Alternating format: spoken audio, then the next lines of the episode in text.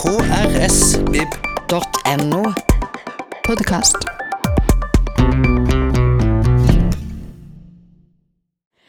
Hei og hjertelig altså velkommen til det aller første arrangementet på Bjørnebodane.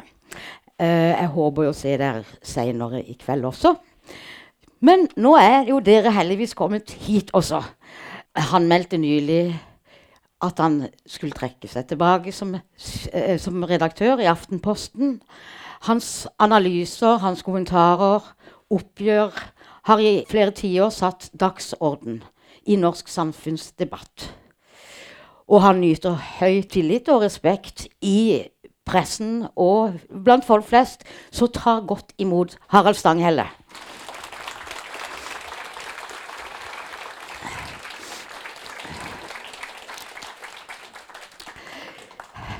Så hyggelig at uh, du kunne komme til oss som Bjørnebos første uh, Bjørnebo tredje år.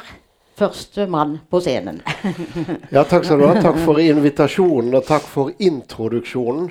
Ja. Det blir påstått, jeg aner ikke om det er riktig, men det blir påstått at um, den nå snart 95 år gamle Henrik Kissinger ble spurt hvorfor han orka å reise rundt uh, på alle disse tilstelningene han var med på.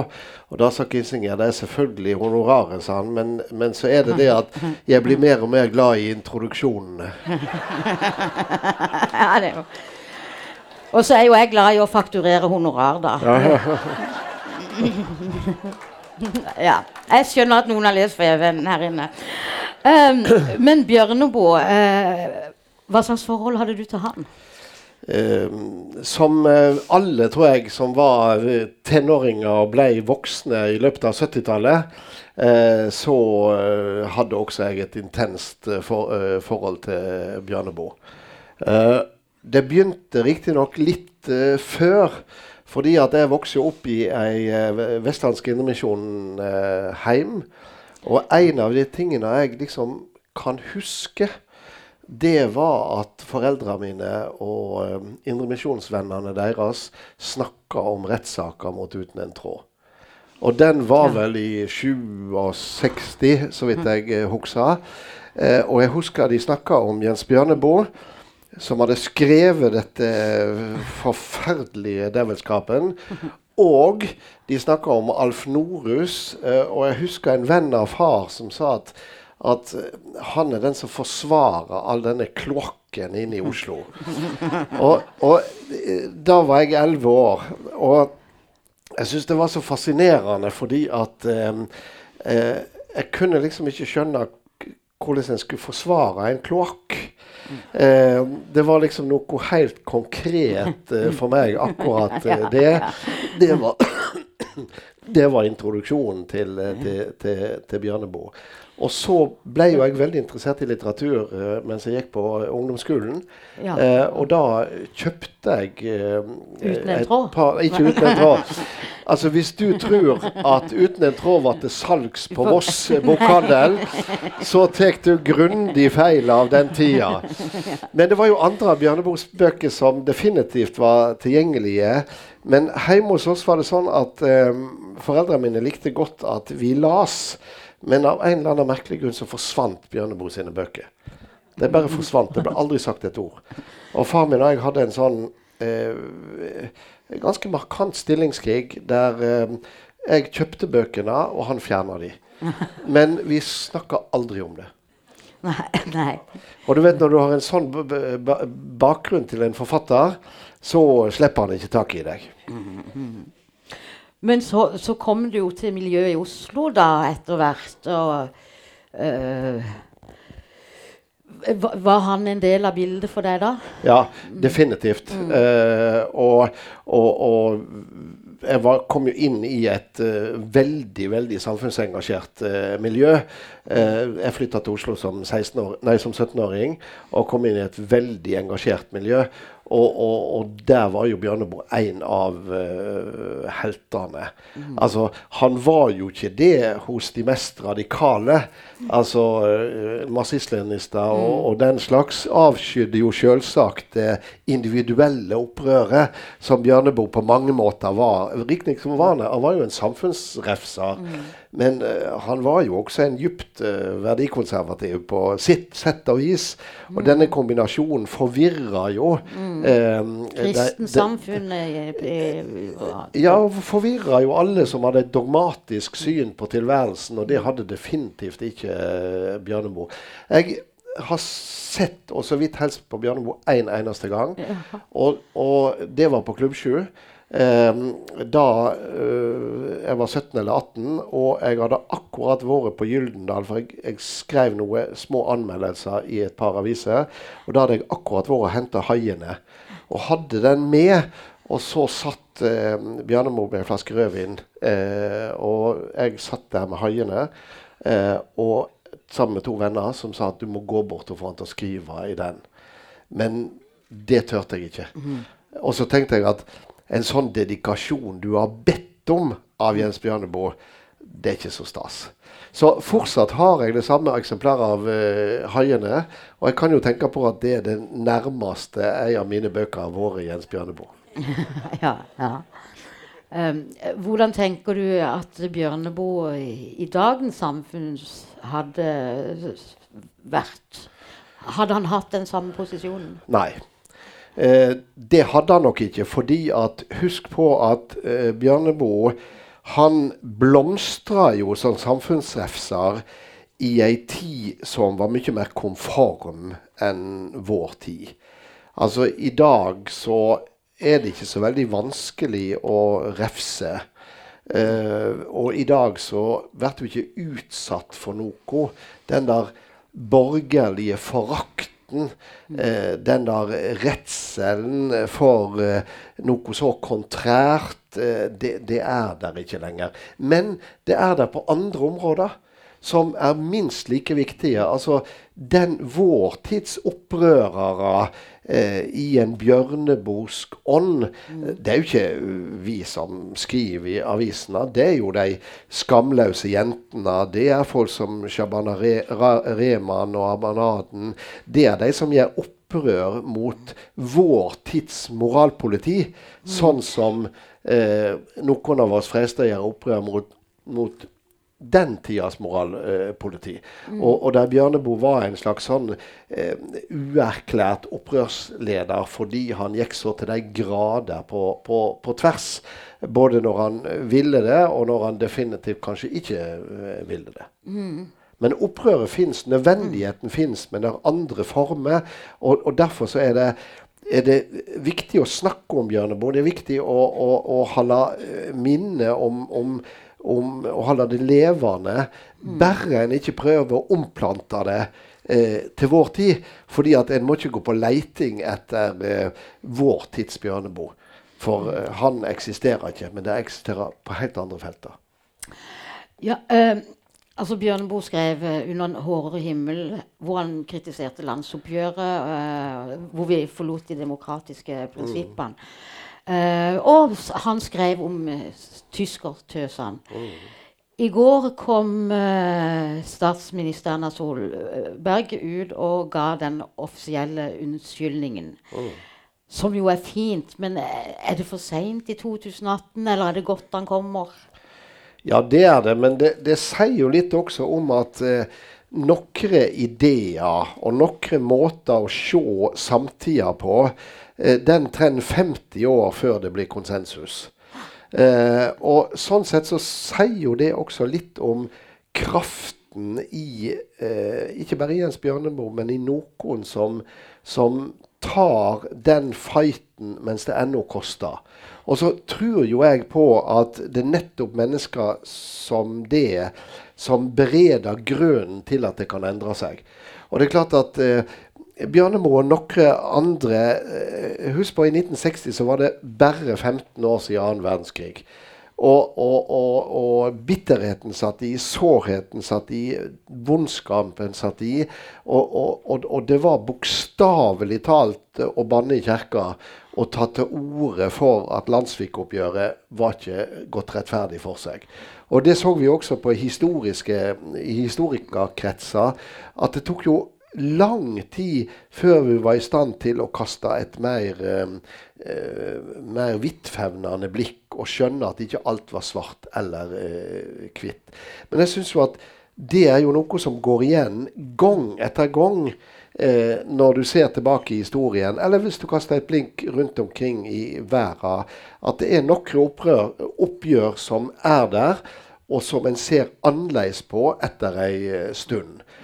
Det som jeg hadde håpa på, det var jo at vi av og til kunne huske på det mens det står på som verst.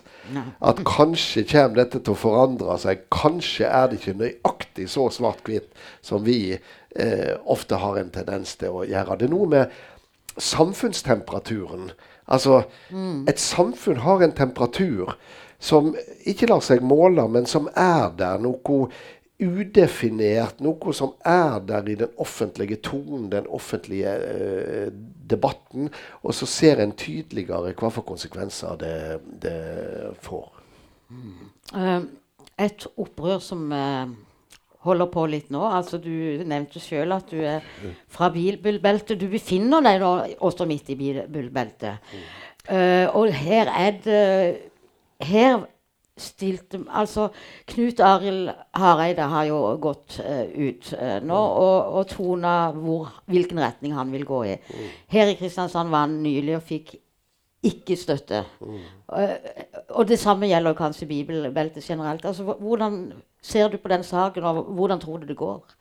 Det, det, det siste ja, det, det siste, kan du svare på. Det, siste skal du få et veldig eh, klart og mm. samtidig uh, lite tilfredsstillende svar på, for det har ikke jeg peiling på. Um, det vet jeg rett og slett ikke. Jeg tror det kan bli ganske jevnt, men jeg, jeg, jeg veit det ikke. Men, men Var det riktig, Ann? Jeg tror jo at eh, eh, Altså, det var nok riktig av han men om det var riktig av Kristelig Folkeparti-lederen, vet jeg ikke. Det går i hvert fall an til å problematisere, fordi at jeg har leita etter paralleller i norsk historie, norsk politisk historie, og det fins ikke noen parallell at en partileder har praktisk talt snudd et, retninger på et helt parti mot eh, eh, viljen til nestlederne og uten at dette er et resultat av et uh, vedtak. Sånn sett så kan du si at Knut Arild er en pioner. Det nærmeste en kommer, det er det er uh, kriseforliket i 35, 1935, da Bondepartiet bestemte seg for å støtte en Arbeiderpartiregjering, og sånn eh, åpna veien for Nygaardsvold-regjeringa, eh, som ble et historisk skifte i norsk eh, politikk. Det er det nærmeste. Og så har du selvfølgelig de valgene eh, da eh, Carl eh, I. Hagen var eh, ikke bare partileder, men han var partieier. Så han var jo i stand til å avblåse en program på Stelle 2 på direktesending hvis det ikke passa inn. Men likevel, det at en partileder eh, på egen hånd kommer ut av tenkeboksen og erklærer at nå vil jeg gå i den retninga, det er helt, helt unikt. Og så tror jeg kanskje at um, dette har mindre med taktikk å gjøre enn det har med politisk samvittighet. Jeg tror rett og slett at det hadde vært vanskelig for uh, Knut Arild å gått i, i ei anna retning enn en dette, og så får det bære eller briste. Mm. Historisk blir han uansett, inntil han blir um, Eh, han blir helgenkåra som den som eh, Hvis de driver med sånt i KrF eh, eh, eh, Som den som berger partiet ut av eh, dødens posisjon. eller så blir han det motsatte. Han blir partilederen som som eh, satsa så dristig at han sprengte sitt eget parti og, og, og underskrev dødsdommen. Og jeg kjenner ikke ett eneste uh, vettugt menneske som tør sette hus og heim på for alternativ som er best. apropos Carl I. Hagen, nå er jo han per, fra i dag vel tilbake på Stortinget. Ja da. I hvert fall, i hvert fall så lenge uh, denne er vararepresentant for uh, er sjukmeldt. Så det, det, er jo litt interessant det der at uh, at de som kritiserer mest uh, at folk sykemelder seg, de sykemelder seg sjøl når, uh, når, livet går dem imot. Ja. Uh, og det, det, kunne kanskje stimulert til litt større forståelse for at når livet går oss imot, apropos Bjørneboe, så um, kan det hende at en trenger ei lita sykemelding. ja. Men du snakka om noen av dagens stemmer som vi skal inn på. men... Er du bekymra for ordskiftet i dagens samfunn? Ja, jeg er det. Jeg er um, djupt bekymra for tonen i denne nye samfunnssamtalen. Ja, på, på hvilken måte? Fordi at um, Altså, de sosiale mediene uh, har jo vært på mange måter en utvidelse av uh, demokratiet. Mm. På mange måter. Det å kunne ta ordet når du vil, det å slippe unna sånne portvoktere i de etablerte mediene, eh, det har mye godt uh, ved seg. Og Samtidig ser vi at hele dynamikken i dette det blir en sånn lik og del-debatt. Og hva er det som blir likt, og hva er det som blir delt? Hva er det som har kraft i seg? Jo, det er enten det uforbeholdne Eh, begeistringa eller det mest vanvittige raseriet. Det er begeistring, raseri. Svart eller hvitt. Eh, det er ingen eh, som dyrker skjønnheten i et godt kompromiss. det er ingen som dyrker analysen, at her skal en se det fra flere sider. Og det tror jeg er livsfarlig for demokratiet. Ikke fra veke 42 til veke 43, ikke fra 2018 til 2019. Men hvis en tenker fra 2019 til 2029, 2039, 2049, så er vi over i en annen måte å snakke med hverandre på, som er mye mye mindre prega av, av, av, et minimum av respekt for at det er mulig å mene noe enn akkurat det du sjøl eh, mener. Og det mener jeg er livsfarlig for et eh, demokrati. Også fordi at det skjer parallelt med to andre utviklingstrekk. Det ene er at de, de eh, eh etablerte mediene, som det kan sies mye om, til og med noe godt. Eh, men de etablerte mediene, med alle sine feil og svakheter, har tross alt en et en, en, en, ønske om en form for etisk standard. Ønske om at det skal stort sett være korrekt det som står på trykk eller blir publisert. Også når vi ikke lykkes alltid. Men det er i hvert fall et ønske om det. Mens nå eh, og, og, og, det har også vært viktig for å holde en samfunnssamtale i gang. Vi har, vi har vært en del av et, en demokratisk infrastruktur i den forstand at vi har på vårt beste hatt en form for leirbålfunksjon. Eh, Gudene skal vite at vi har ikke lyst opp like varmt og klart og godt som vi skulle alltid. Det, det har vært mye på sparebluss. Men det har vært der likevel. Nå er det i ferd med å forvitre. Altså, eh, fordi de etablerte mediene sliter. Eh, det er mindre ressurser, det er dårligere spredning osv. Så, videre, og så, så det i takt med at den andre type samtale eh, roper ropekulturen, så forsvinner en del av den mer rolige samtalen. Det, det, er det ene som skjer. Og det andre er jo at vi i løpet av oppsiktsvekkende kort tid ser at eh, opplysningstidas ideal om eh, at meningene skal være frie, men fakta skal være hellige, er jo i ferd med å devalueres noe kraftig. Altså, I dag er det sånn at hver mann sier sanning. Og hvis du ikke liker sannheten, eh, ja, da går du ikke i rette med å si at dette stemmer ikke av de og de grunner. Du bare sier det er fake news. Og det er klart at det som har utløst dette som som debattone, som samfunnstone i samfunnssamtalen, det er jo eh, denne vandrende overdrivelsen som har flytta inn i det ovale kontor. Ja, eh, eh, og, og, og som på en måte har gjort det helt eh, normalt og helt OK. sant? Og, og hvis vi er så blinde at vi ikke ser at det kommer til å gjøre noe med eh, våre demokratiske samfunn over tid, ja, da tror jeg at vi gjør oss sjøl og våre, eh, våre eh, samfunn ei stor bjørnetjeneste. Ja, og så snakker du om eh, presten som eh, strammer inn altså man, Økonomien gjør at ma- bemanninga går ned. Men hva, hva fører det hvor, hvor godt eh, Hvor bevisst er man dette i, i mediehusene? Og hvordan er stemningen når man har det som man har det? Altså Brenner man for å ta vare på demokratiet som vi vil ha det? Ja, det tror jeg, eh, det tror jeg vi gjør. Det er ikke, det er ikke mangel på brennende sjeler, men eh, det, er, det er et faktum at eh, vi har bygd ned redaksjonene våre.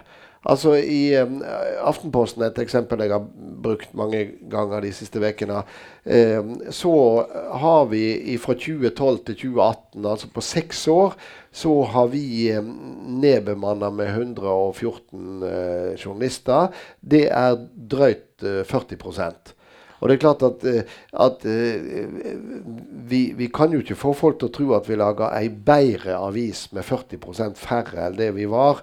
Og det var ikke i 2012 vi begynte nedbemanningene, det var, det var før det.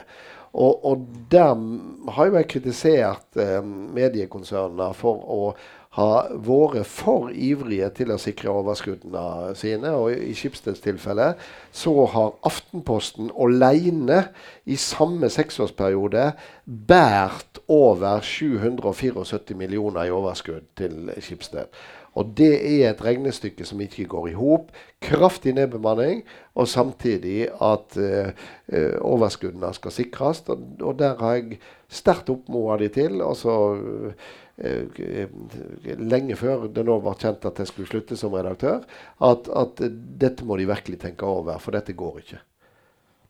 Ja, det, det hjelper ikke på arbeidsmoralen, kanskje, selv om den er god i utgangspunktet. Nei, altså Arbeidsmoralen er ikke problemet, men Nei, problemet er at det er altfor mange saker som det ikke lenger er, er journalister til å, å, å se på, dekke, be, eh, grave i. Og, og dermed så, så mister en for mye.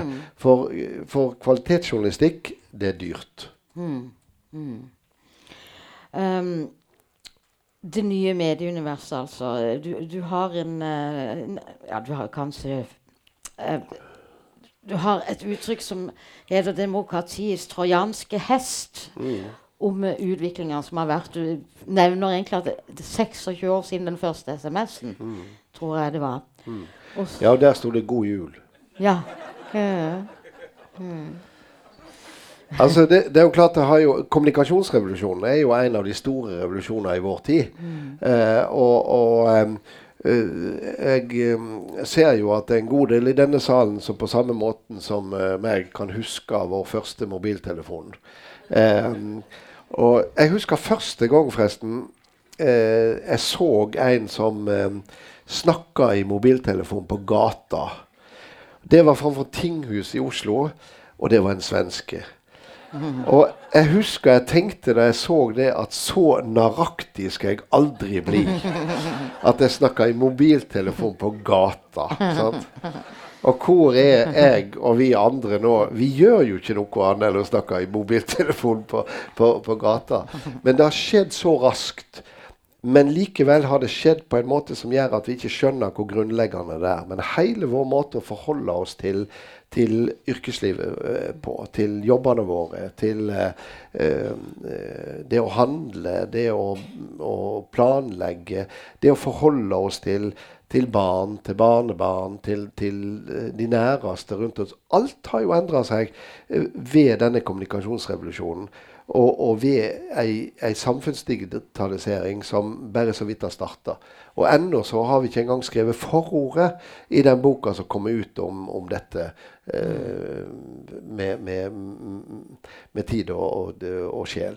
Og det er klart at vi endrer oss fordi at vi må ikke være så naive og ikke tro det gjør noe med oss. Mm. I vår så skjedde det jo for første gang i verdenshistorien at en statsråd ble pressa til å gå av pga. sosiale medier.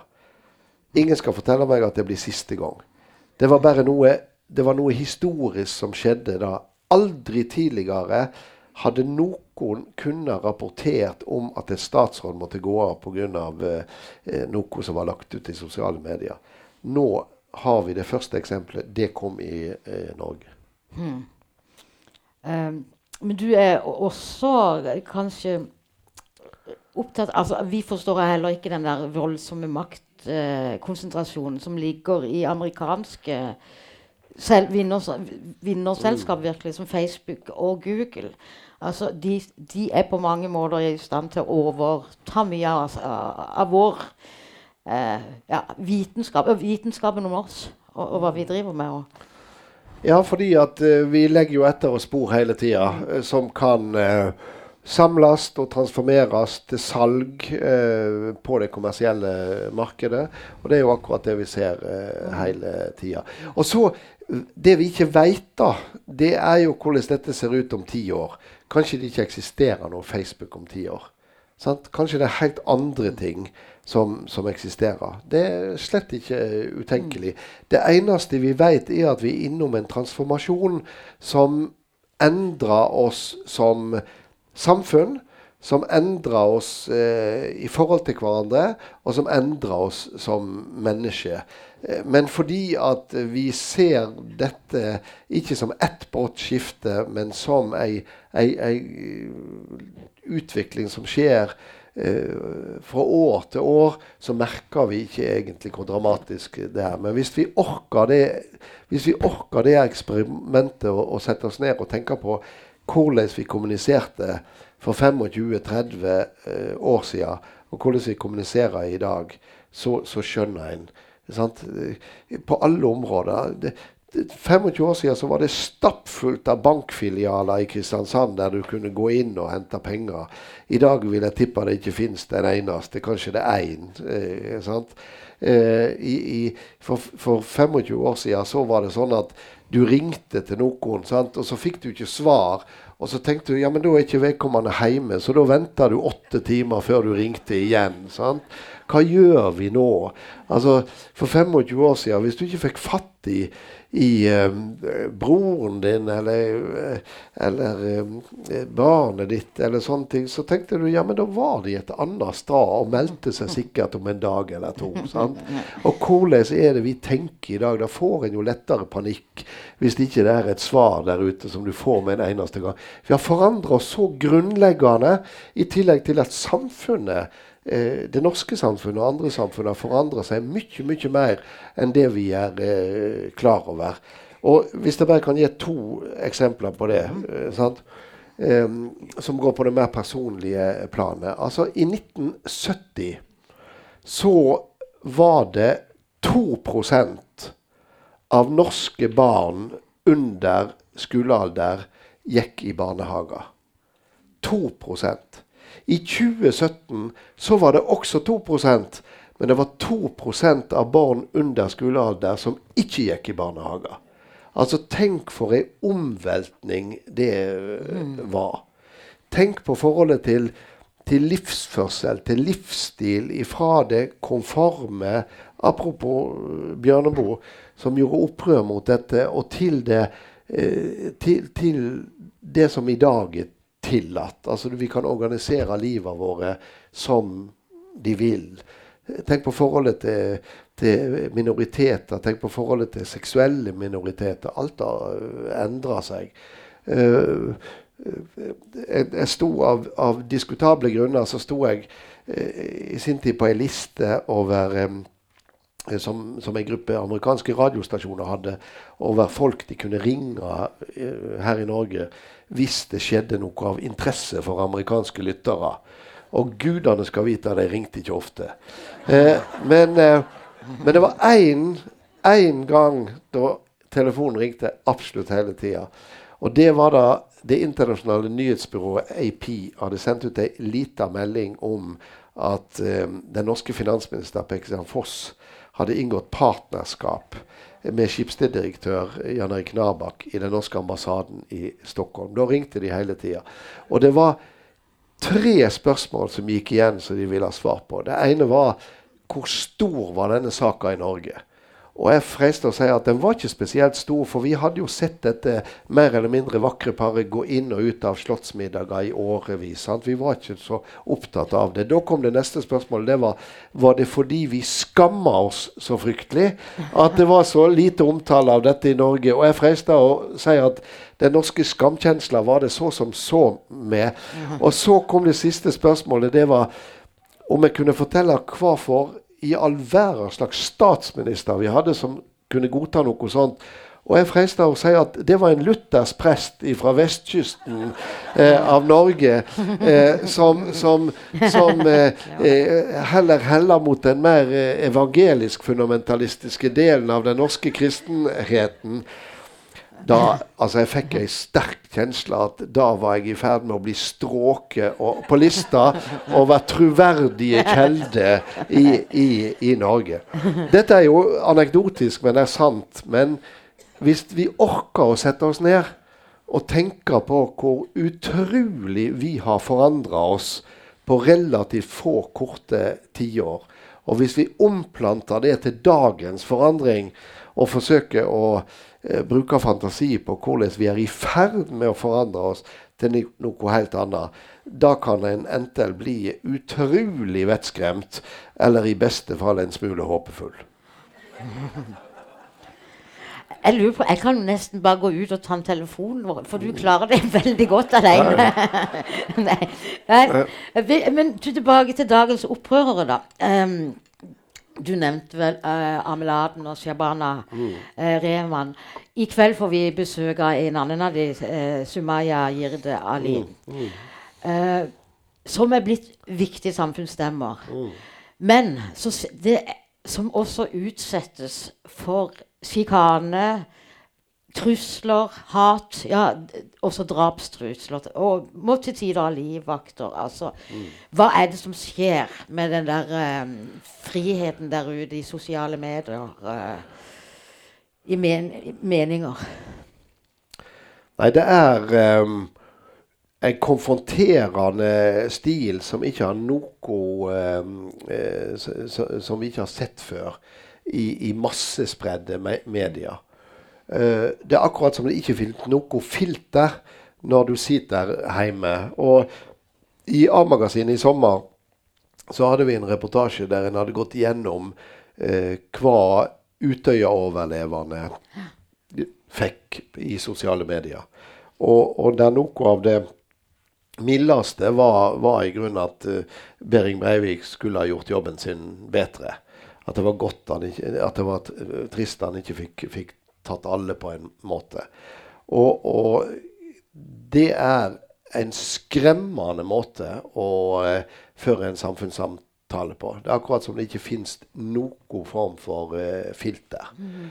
Og, eh, Men hva, jeg må også spørre, hva skjedde der fra 2011 til 2018, altså, der vi skulle stå sammen? og hva, hva, har skjedd? Hvorfor har den utviklinga skjedd med at Utøya-ofrene rett og slett blir utsatt for hets. Ja, men Det er ikke sikkert at vi sto så sammen som vi trodde. Nei. Altså, Sjokket var jo der, og det tror jeg alle nordmenn følte. Men det var samtidig noe mer. Det var jo at de som i hvert fall flørta med det tankegodset uh, som massedrapsmannen 22.07. representerte, de tok jo ikke ordet i månedene etter 22.07, men de har tatt ordet eh, seinere. Og, og, og, eh, det er noe med de sosiale mediene som gjør at, at filteret blir borte. Og så har du jo modig eh, minoritetsungdom som er utsatt for eh, dobbel ild. Fordi at de blir jo trakassert av Eh, etniske nordmenn og, og, og, og, får slengt etter seg at de burde vært voldtatt osv., osv., spesielt jentene. Men så har de jo også sitt eget moralpoliti og sitt eget eh, interne press som, som er like sterkt. Sånn Hvordan da? Eh. Ja, fordi at uh, kravet til konvensjon, kravet til at det er én måte å leve på, kravet til klesdrakt, eh, kravet til at en skal oppføre seg eh, på en spesiell måte, i alle fall hvis du er jente, det er så sterkt. Så på mange måter så kan du sammenligne det moralpolitiet og det presset Eh, med eh, det som var i enkelte miljøer i 50- og 60-tallets eh, Norge, men som, som, vi ikke har lenger. Der det i gåseøyne borgerlig-moralske hegemoniet Eh, det har skifta til et liberalt eh, hegemoni. Eh, det som var et flertall i 50- og 60-tallet, er blitt et mindretall i dag. Men det har ikke på samme måten skjedd i minoritetsmiljøene. derfor er det på mange måter der kampen står. men det de, altså Siden man kan skjule seg sånn, sitte på rommet hjemme eller i stua eh, Blir motet større for å skrive styggere, verre, sjikanere? Ja, det er, det er, akkurat så filteret forsvinner. Ja. Og så er det kanskje sånn at det er mulig at dette er helt feil feil assosiasjon, men eh, hvis en tenker på kantinebordene på arbeidsplassene rundt omkring. Der, der, praten kunne gå tøft og livlig, og der ikke minst politikere ble utskjelt som noen idioter, og det som verre var, og sånne ting. Men så er det jo noe at det ble sagt rundt et bord eller på en pub. og så kjente jo alle han Even som alltid tok litt kraftig i. Og så er det noe at du ser kroppsspråk, og så går det noe over og sånn. Men det er akkurat som en har gjeninnført eh, denne måten å snakke på i sosiale medier. Totalt eh, fremmed for at det er mennesker som mottar dette i den andre enden og som det treffer som en knyttneve, og som gjør at mange sier at de vil holde seg unna den, den, åpne samfunnssamtalen. Og det er jo livsfarlig. Det er jo livsfarlig hvis du får en tausere og tausere generasjon eh, fordi at eh, en ikke eh, rett og slett orker all den dritten som følger med å være med, en del av, av, eh, av samtalen. Eh, du var innom det ovale kontoret der er det litt problematisk at verdens mektigste mann også sitter og hetser folk på Twitter? For det gjør han jo stadig. Ja, Det er ikke bare problematisk, det er jo hinsides. ja, eh, altså Det er jo det. altså Det eksisterer liksom altså Presidenter har bløffa før. Men det har jo aldri skjedd på samme måten at en fullstendig oppheva alle krav til verif verifiserbar sannhet. Det har jo mm. aldri skjedd før. Mm. Og nå er vel det kommet opp i ca. 3000 tweets som enten er rein tøv, mm. bløff, løgn eller forvrengninger. Mm. Eh, og det bare strømmer på, eh, og det gjelder ingen regler eh, lenger. Min yndlingstweet eh, den er fra 8.12. i fjor. Da sendte eh, presidenten ut et, en tweet der det sto at, at West Virginia eksporterer da rent kull til Kina. Eh, og Det interessante med den er jo at på fem år så er det to kapitale feil. Det ene er at uh, det fins ikke noe som heter rent kull. Og det andre er at verken West Virginia eller USA eh, har noensinne eh, eksportert et eneste kilo kål til Kina. Eh, og så kan du lure på hvor tar han det fra.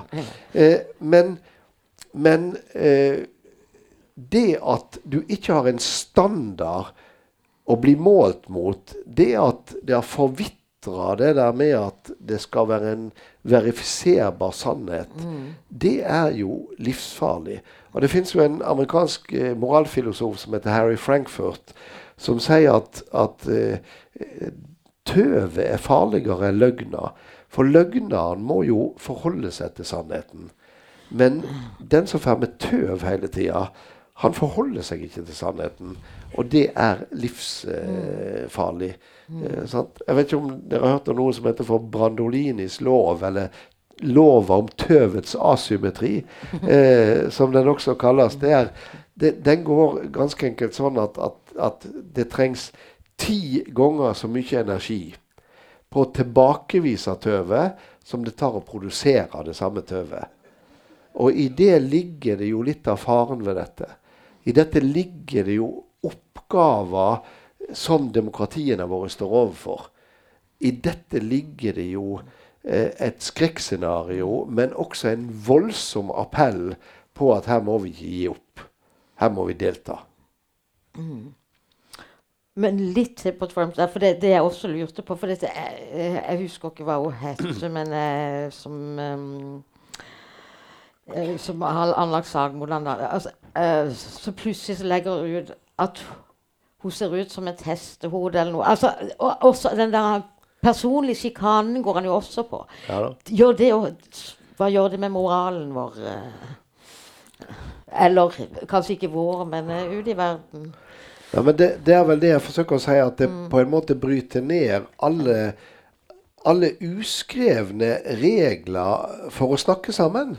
Mm. Altså, eh, det er jo ikke alltid vi lykkes å snakke sammen. Det er jo ikke alltid vi, vi vi, vi, vi, treffer det vi skal. Men det er noe med at det bryter ned alle uh, uskrevne regler for en noenlunde vettug samfunnssamtale. Fordi at den er jo basert på et minimum av respekt for at også andre enn deg sjøl har noe å fare med. Og, og, du ser det jo nå i, i en god del av de politiske bevegelsene med, med, med, med vind i segla over Europa og i ja. USA. At, at, at, at, fakta som en misliker, ja, det er fake news. Det bare blir avfeia.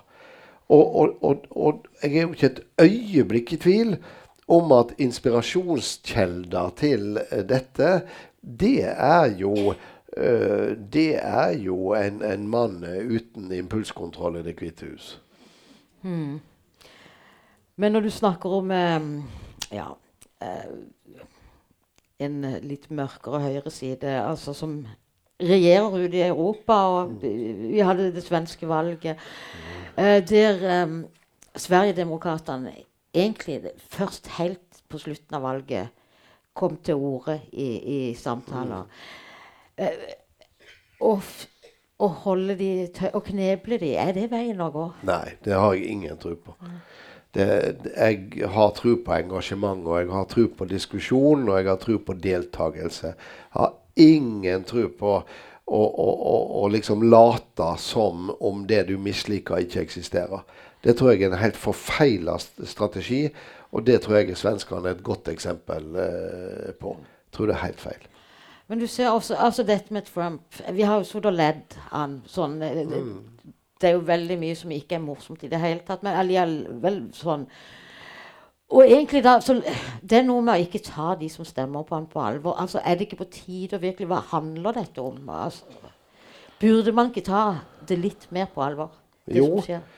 Nå tror jo jeg at ganske mye av det som eh, protestvelgere og marginaliserte velgere Eh, eh, gjør opprør mot at det er ting som blir tatt på alvor. Mm. Men det er jo ingen tvil om at den enorme endringa som har vært i Europa og i USA, den har ført til at grupper som tidligere hadde håp om et bedre liv år for år, har mista den eh, trua. Og, og eh, jeg var i eh, USA i 2016 eh, under presidentvalgkampen. Og da var det meningsmålinger som viste at eh, 63% av amerikanerne eh, svarte nei på spørsmålet om de trodde at barna deres ville få det bedre enn de sjøl. Og det er et skremmende høyt tall i et land som er grunnmurt på håpet om det bedre.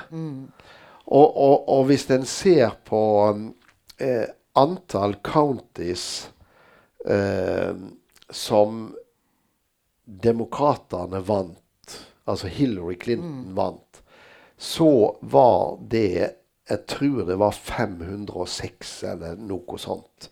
Antall counties som, som stemte Trump, var 2600 og noen counties. Poenget er Og likevel vant Hillary Clinton i rene stemmetall. Men det forteller jo bare et bilde om at de demokratiske velgerne finner du i store byer og i det tette. De republikanske velgerne finner du over hele USA. I de små, eh, eh, små stemmekretsene. Og, og det er ganske talende tall. Og det er jo ikke tvil om at globalisering har tatt knekken på mange arbeidsplasser. Det ser du også i, i Norge. altså Se på industrien i Norge. Jeg kommer fra ei bygd der, der tekstilindustrien sto vanvittig sterkt. sant? Når jeg vokste opp, så var det 1300 arbeidere i Dale fabrikker, som var en stor tekstilarbeidsplass. I dag er det fem. Eh, og, og, og, og det skjedde. Det andre som skjedde, og som vi kommer til å få mer og mer av, det er digitaliseringa. Alt som kan digitaliseres, kommer til å bli digitalisert. Det kommer også til å gjøre noe med oss. Og så finnes det jo veldig mye håp i dette. Eh, men det å gjøre klart at her ligger det et håp, og det å få folk til å tro på eh, at det er mulig å, å, å, å styre en sånn utvikling, i hvert fall til en viss grad, det er et svært prosjekt. Mm. Jeg skal tilbake til eh, altså, hets og egentlig også kommentarfelter i avisen og sånn. Eh, er det hva bør man eh, eh, Kan man gjøre noe? Altså dette f.eks. at eh, man får gå ut anonymt. Mm. Hva gjør det med, med, med de kommentarene som kommer? Mm. Eh, altså, mitt inntrykk er jo at kommentarfeltene, i hvert fall i de etablerte avisene, er blitt eh, bedre. Det blir overvåka nøyere. Jeg tror det var mange av oss som ikke skjønte eh, hva som lå der av, av minefelt, men at det ble noe bedre. Men eh, eh, at på andre felter så er det blitt, uh, blitt, blitt, blitt verre i den delen. Uh, jeg har jo et tro på engasjement, og jeg har tro på deltakelse. Og jeg har tro på samtalen. Jeg har tro på å imøtegå. Og så er jeg kommet mer og mer i tvil om det er riktig av oss å eh, la folk få lov til å være anonyme, også når vi vet hvem de er. Altså, er vi sikre på at vi skal la folk som truer f.eks. Utøya-overlevende eh, At de skal få sitte der med sin anonymitet. At, at, at ofrene for hetsen skal ta hele kostnaden. Er det så riktig? Vi har hatt noen eh, rettssaker, noen straffesaker i Norge eh, som nettopp der tiltalen har vært trusler på nett. Nesten uten unntak så har vi eh, anonymisert de som eh, eh, er tiltalt. Er det så sikkert at vi skal gjøre det? Altså, jeg er ikke lenger så sikker. Fordi jeg mener at hvis du, hvis du truer noen i sosiale medier, ja, så får du stå ved det du har gjort. Da får du ta det ansvaret det er. Fordi at vi har ikke bare en ytringsfrihet, vi har også et ytringsansvar. kommer vi Ja.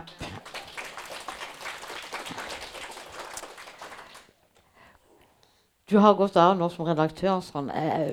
Kommer vi fortsatt til å kunne Eller gjør det på onsdag. Ja, ja, ja, unnskyld, beklager. Jeg du, du må ha disse arbeidsdagene til gode, selvfølgelig. Men du har blitt eh, for eh, mange her tenker også en viktig stemme som de de både leser og hører eh, i både ja, Dagsnytt 18, eh, debatter, TV, radio. Kommer vi fortsatt til å høre din stemme? Altså Det er i hvert fall én ting jeg er helt sikker på, og det er at det fins ikke den sofa i verden som er så behagelig at jeg har tenkt å legge meg til der resten av mitt liv. Nei. Men du skal skrive litt fast? Jeg, jeg skal skrive én gang i veka i, i Aftenposten, og så skal jeg gjøre en del andre ting eh, som også dreier seg om eh, journalistikk, og også dreier seg om eh, eh, å ytre meg. Eh, jeg tilhører jo de som kom inn i journalistikken fordi jeg hadde et brennende samfunnsengasjement. Eh, og jeg tror jeg tilhører de som kommer til å fortsette med det engasjementet. Og jeg tror at jeg er en av de som går ut av denne verden med det engasjementet. Ja, det, jepp. Eh, det er vel vanskelig å tenke seg at du bare liksom slår an bryter på onsdag. Eh, du, vet du, du kan sende eh, faktura rett til meg. Eh, tusen takk Den, den er nok overkommelig, så det greier du. tusen takk for at du kom til oss. Takk for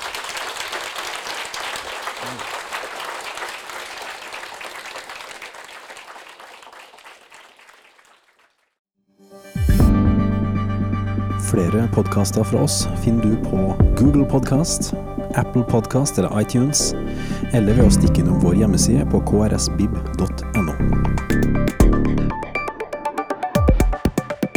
krsbib.no. Podkast.